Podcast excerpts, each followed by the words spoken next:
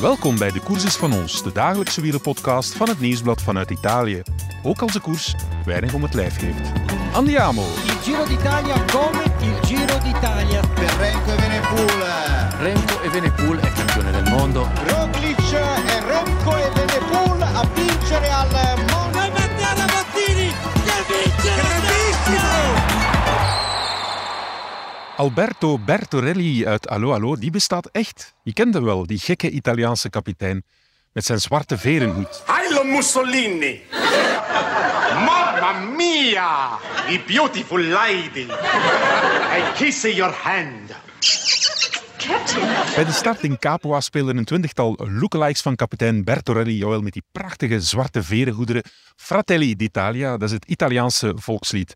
Intussen trokken de renners hun regenjasjes aan, want het begon echt serieus te druppelen. En de hostessen van de leidster die stonden te rillen in mantelpakjes die totaal ongeschikt waren voor het herfstweer, om medelijden mee te hebben. Ze moesten lachen voor de foto's, maar eigenlijk wilden ze het liefst onder een vliesdekentje kruipen met een warme thee. Ed ora, signori, per voi, per il Giro d'Italia, la fanfara dell'ottavo reggimento bersaglieri di Caserta.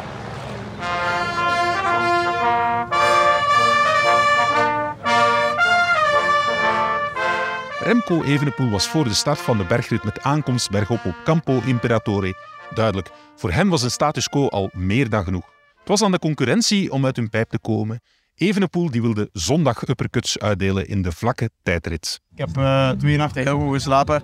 Eh, niet wakker geworden van de pijntjes en zo. Dus ik denk ten opzichte van de Vuelta vorig jaar is het een heel ander verhaal. Vandaag is die aan ons. DSM zal wat start moeten, goed moeten controleren om te zien of dat ze het voor een vlucht laten gaan. eh, of dat ze een trui willen verdedigen. Of dat ze maar de willen rijden. Maar ik verwacht een, eh, een vlucht voorop met mannen die al vrij ver in klassement staan. Want we zagen dat vanaf de top 30 staan ze al bijna op 10 minuten. Dus die mannen kunnen het wel eh, naar de finish brengen. En dan van achter zal er wel een klein beetje gevochten worden voor eventuele tijdsverschillen. Maar aan de geschiedenis van deze club te zien zijn de tijdsverschillen vrij miniem altijd. Dus ik verwacht niet anders. Vorig jaar eh, was het wel in de eerste week de lastigste. Nu is de derde week de lastigste. Dus eh, ik ga proberen eh, zo economisch mogelijk, relatief gezien, nog toch de finish te halen. En ja, gewoon maken dat ik geen tijd verlies. En moest het kunnen, ga ik, als ze sprinten voor, voor de tijdswinst, dan ga ik sowieso mee sprinten. Maar ik ga niet uh, beginnen aanvallen op 5, 6 kilometer de meet. Dat is niet aan mij vandaag. Ik verwacht dat ploeg als Ineos, die toch al op een minuut achter staat, dat die initiatief gaan nemen. Maar voor mij is het gewoon eh, volgen en mee sprinten aan de meet. En uh, nachten sparen voor zondag. Een dag eerder in Napels werd Evenepoel geïnterviewd in Les Rois de la Pédale op Eurosport, onder meer door Philippe Gilbert. En daar had hij toch wel iets opmerkelijks gezegd. Je voulais voir euh, ton analyse sur euh, Roglic. Euh, Est-ce que tu le sens très fort ou tu penses que ça va aller J'ai l'impression qu'il est un peu nerveux. Euh, parce que ouais, il sait qu'il a 44 secondes de retard. Donc, euh, ouais, ils sont nerveux dans le peloton. Ils, ils poussent beaucoup. C'est un peu euh, le style typique de, de Jumbo, je pense. Eerlijk is eerlijk, als je de hele redenering van Evenepoel hoort, dan klinkt het minder hard dan dit ene fragment. En dan zeker als dat uitgeschreven op een website staat. Maar de quotes zijn wat ze zijn. Ze werden opgepikt en ze vormden een gespreksonderwerp bij de start in Capua. Ja, het is een beetje verknoot zei onze ploeg staat in de situatie die Jumbo nu in zit. Eh, we stonden achter op hun en we moesten echt vechten voor die secondes. Dus ja, je kan wel geloven dat zij nu een beetje hetzelfde voelen. Het gaat natuurlijk een drieweekse ronde, maar eh, het is wel een klein beetje uitgegroot naar wat ik gevecht heb. En slechts, hè. iedereen moet vechten voor een positie. Ook UAE vecht voor een positie, wij ook. Ineos, iedereen vecht voor een positie, maar eh, ja, iedereen staat achter. Hè. Dus we moeten allemaal een beetje nerveus zijn dan aanwezig. Het bergmassief waarin Campo Imperatore ligt heet Gran Sasso d'Italia. Gran, groot, indrukwekkend, maar die indrukwekkende berg heeft een muis gebaard. Het waren drie vluchters die het uitzongen tot de streep en de Italiaan Davide Bais van Eolo Cometa, die won. De favorieten reden samen over de streep, al won Remco wel nog een prestigespurt voor de vierde plaats. Het was uiteindelijk een geschiedenisloze etappe voor het klassement, maar dat is precies wat Remco Evenepoel en Soudal Quickstep wilden. Evenepoel die werd met een helikopter vanaf de finish meteen naar het hotel gevlogen, maar er waren andere ploegmakkers van Soudal Quickstep die met de auto eerst moesten afdalen naar de ploegbussen, waar wij stonden te wachten, daar een douche nemen en pas daarna met een andere auto naar het hotel konden gaan. Gelukkig was Pieter Serie daar een van toch voor mij, want daardoor kon ik hem snel wat vragen stellen. En een van die vragen was waarom de concurrentie Remco niet onder druk had gezet op de slotklim. Uiteindelijk geen aanvallen gekomen vandaag. Uh, bleef stil. Heeft dat jou verrast of waren daar omstandigheden die dat uh, bepaald hebben? Ja, het was uh, door de omstandigheden, door één, de lange dag en twee, tegenwind. Ja. het was ook niet super stil. Maar het was, het was wel veel tegenwind. Ja. Beschrijf eens vanaf wanneer is die tegenwind daar? Was dat in de finale? Ja, dat was in de finale. De, eigenlijk de, de laatste 30, 40 kilometer want nodig dan niet echt uit voor aan te vallen. Weet je dan, we zitten op ons gemak min of meer? Ja, nee, maar ik kan wel, eigenlijk wel aanvallen verwacht. Maar uh, ja, je weet dat natuurlijk nooit, hè, echt op je gemak. Je kan dan van, van voorhouden. Uh, dus dat hebben we gezien. Je hebt persoonlijk gevallen, ja. Wat is er gebeurd? Ja, mijn, mijn eigen fout. Uh, we stopten even te plassen en kwamen terug en knam de verkeerde kant van, van het trompunt. De lange kant en iets te snel wil nemen. Ik schoof weg. Ja. Serieus zeer gedaan? Ja, toch wel een beetje geschaafd, maar ça va. En dan heel veel kopwerk gedaan? Uh, dat is een werkendag voor jou? Ja, ja, voor de man, dat is een beetje mijn taak voor de man in een goede positie te houden.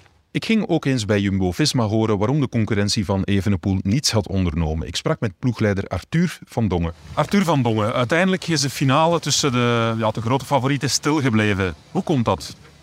Uh, ik denk dat het met name door de wind komt. Ja. Uh, plus ook in dit koersverhaal is het opgesloten. Dat er weinig animo was voor de, voor de vlucht van de dag. Slechts vier renners wilden mee. Uh, nou, dan, uh, dan kijk je in hele gesloten koers en iedereen kijkt uh, ook een beetje naar elkaar. Maar DSM die heeft gewoon de verantwoording gepakt en die hebben gewoon reden om de trui te behouden. Nou ja, en dan, ehm, dan veel wind tegen. En niemand die zich geroepen voelde om echt het verschil te maken in de finale. Vanaf wanneer zat die wind tegen? Want inderdaad, er is wel een vlucht weggereden, maar dan eigenlijk op het moment dat de favorieten koers willen maken, dan zit die wind tegen, neem ik aan. Ja, met name de laatste uur natuurlijk. Er was veel berg op en, uh, en dan ook veel wind tegen. En het was een harde, sterke wind, dus ja, dan uh, uh, voelde zich nogmaals niemand, niemand zich echt geroepen. Nee. Remco Evenepoel met het oog op die tijdrit had gezegd van ja, ik wil vandaag eigenlijk status quo. Hoe zat dat bij jullie? Zijn jullie tevreden met dit koersverloop? Een rustige dag? Of hadden jullie het ook gehoopt om, om ergens iets te proberen? Nou, we hadden misschien gehoopt om, om diep in de finale iets te proberen als het voor de ritwit zou zijn. Maar uh, goed, dat, dat, dat, was niet het geval. Uh, maar ja, als uh, telt niet. Dus voor ons was het op zich verder gewoon een goede dag. Hoe is het met Primos? Ja, goed. Ja, hij voelt zich goed en ziet er goed uit. En nou, geen, geen aanwijzingen dat, dat hij op dit moment niet, niet in vorm zou zijn of niet goed zou zijn. Of goed herstel van, uh, van de valpartijtjes. Dus uh, op zich uh, prima. Fijn te horen, dankjewel. Voor ons wielerliefhebbers was de sportieve windstilte in de etappe misschien een tegenvaller. Maar voor Soudal Quickstep-ploegleider Klaas Lodewijk was dat net de bedoeling. Ja, ik denk dat was het objectief van vandaag. Bovenkomen zonder tijdverlies. Uh, we hebben eigenlijk als ploeg niet veel energie moeten verspelen. Die zijn met echt uh, knap koers gereden vandaag. En dan eigenlijk ja, geen aanval moeten pareren en zo, dus dat was goed. Ik heb gehoord dat jullie een bondgenoot hadden, de wind in de finale. Ja, maar goed, dat was voor iedereen zo. Ik denk niet dat er zoveel man waren met heel veel overschot op zo'n klim. Uh, komt te gaan op grote hoogte. Uh, de renners zijn ook uh, redelijk wat, wat, regen en zo regen gekregen in het van de rit. Dus ik denk dat er niemand uh, rouwig om was. Kunnen u helemaal die vragen opbergen van hoe zou Remco die val verteerd hebben? Ik denk dat vandaag voor ons een belangrijke rit was. ondanks dat hij gisteren een heel goed gevoel had, is er altijd de kans dat het lichaam nog altijd reageert op die val. Uh, dat is vandaag voorbij. Uh, dus we zijn er tevreden over. Ja. Zijn jullie nu al aan het denken richting die tijdrit van ja, naar de eerste rustdag toe toch nog tijd te pakken hè, in principe? Ja, maar goed, ik denk dat het belangrijk is dat we dag per dag blijven zien en niet al volledig blind staan op die tijdrit. Uh, morgen is het ook een rit uh, die niet onderschat is in de finale, uh, vrij verraderlijk. Dus ik denk dat we gewoon moeten heel gefocust blijven, morgen goed doorkomen en dan kunnen we kijken naar die tijdrit. Bij de start in Capua zocht ik ploegleider Steven de Neef van Intermarché Circus Vanti op. Het is een straffe statistiek, want het seizoen is al even aan de gang. Maar de zege van Aurélien Paré-Peintre in rit 4 was de allereerste overwinning uit een ontsnapping in een World Tour koers dit seizoen. En nu zitten we dus aan twee. Bij Intermarché voelden ze zich geïnspireerd. Tot dusver eindigden ze vier keer in de top 10 in deze Giro met Marit, Bonifacio, Bistrum en Rotta. Maar Steven de Neef vertelde mij dat ze het geweer een beetje van schouder zouden veranderen en vaker proberen mee te schuiven in de ontsnappingen. En voilà, in de rit gebeurde dat ook, want met Simone Petilli schoof er een mannetje van Intermarché mee en hij werd zowaar derde. Ik had het met de neef over nog een opmerkelijk onderwerp, want RCS, de organisator van de Giro, die werkt sinds kort samen met een nieuwe reisorganisatie. En dat heeft wel wat gevolgen voor de ploegen, want normaal gezien werden de hotels altijd voor de hele Giro vastgelegd en gecommuniceerd. Maar nu gaat dat in schuifjes en ja, kennen ze die hotels maar een week tot tien dagen op voorhand. En voor de renners heeft dat wel wat gevolgen. Luister maar. We staan bij Steven de Neef, ploegleider van uh, Intermarché Circus Vanté. Ik moet altijd even denken, hè, want het zijn er drie. Ehm, ja, hoe is de Giro tot dusver? Vooral top 10 plaatsen toch een aantal, hè? Ja, we hebben elke dag al top 10 gereden. Er zijn een paar renners die niet direct in conditie waren. Ja, in conditie wel waren, maar een beetje kleine perikelen hadden. En ik hoop dat dat de tweede week opgelost krijgen. En we mee proberen schuiven in ontsnappingen die tot het einde kunnen gaan. Ja. Want ontsnappingen tot dusver in het seizoen uh, niet echt succesvol gebleken. Maar in deze Giro is het wel al één keer gelukt. En dan ja, gisteren heel close. Dus proberen waard. Ja, zeker proberen waard. De Giro is altijd een, een koers waar dat die ontsnappingen wel uh, tot het einde kunnen draaien. We hebben in uh, Takken van der Oren, twee jaar geleden, was ook een ontsnapping die uh, vijf droeg, de derde etappe al.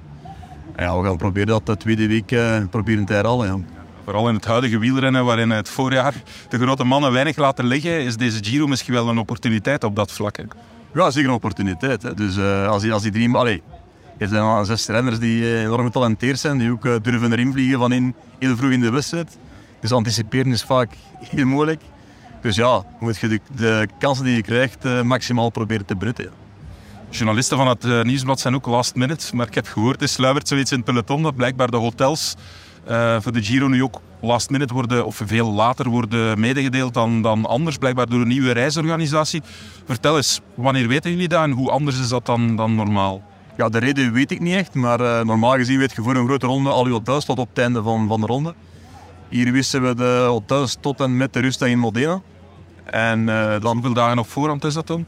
Ja, de, de eerste dagen zijn 10 ritten. Hè. Ja, ja. Dus, uh, en dan gisteren hebben we pas de hotels gekregen tot 23. En de laatste hotels hebben we nog, hebben we nog niet gekregen. Dus, uh, dat is even wachten, maar goed, ja, voor mij als ploegleider maakt dat niet zoveel uit. Hoe de renners die hun werkbus moeten invullen en voor de, de staf, de verzorgers, de mechaniekers die moeten organiseren voor parking en zo is dat kan dat wel een probleem zijn. Ja, die moeten wel eens op voorhand bellen naar het hotel om te zien of alles in orde is, neem ik aan. Ja, als je daar met twee, drie ploegen zit, is het wel belangrijk dat je een keer belt om te zien wat, dat, wat de aansluitingen zijn voor water, elektriciteit en zo, dat, ja. dat het al op de hoogte is.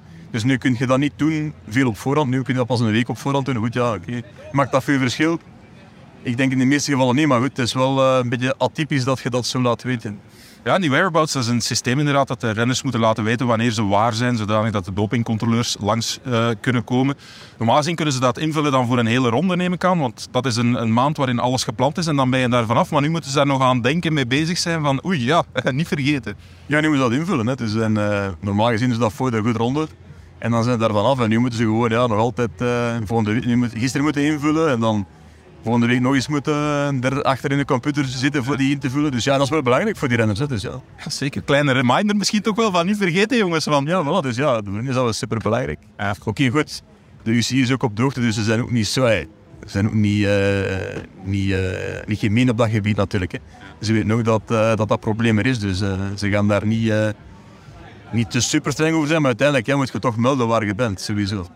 Toch nog een klein woordje over de verrassende winnaar van de zevende etappe, de Italiaan Davide Bais dus. Hij rijdt samen met zijn broer bij Eolo Cometa. Zijn broer is één jaar ouder, die heet Mattia. En die zat eerder deze Giro al eens mee in de ontsnapping. En blijkbaar was het voor deze zevende etappe het plan dat ze beurtelings, de twee broers dus, gingen proberen meeschuiven in de ontsnapping. En uiteindelijk is het de jongste gelukt en die won. Ook de vluchter die tweede werd, Karel Vacek van Corratec Sella Italia, heeft een opmerkelijk verhaal. In de jeugd reed hij vaak tegen Remco Evenepoel. Hij was net als Evenepoel een klimmer en tijdrijder en hij heeft Remco een paar keer weten te kloppen. Al was het meestal omgekeerd natuurlijk. Hij vertelde dat hij na die periode een moeilijke tijd gehad heeft toen zijn vader in de gevangenis belandde. Hij dacht aan stoppen met koersen, maar hij hield vol en zo zie je maar, de aanhouder wordt tweede. Voilà, daarmee zijn we helemaal klaar voor vandaag. De achtste etappe gaat van Terni naar Fossombrone. En wie Fossombrone zegt, die zegt Dirk Pikkenbergs. De Belgische modeontwerper die was even eigenaar van de lokale voetbalclub. Het wordt een gevaarlijke overgangsrit met heel wat obstakels en klimmetjes. Hopelijk blijft iedereen veilig. Wij zijn er nadien weer. Tot dan. Il Giro d'Italia come il Giro d'Italia. Remco Evenepoel è campione del mondo. Roglic è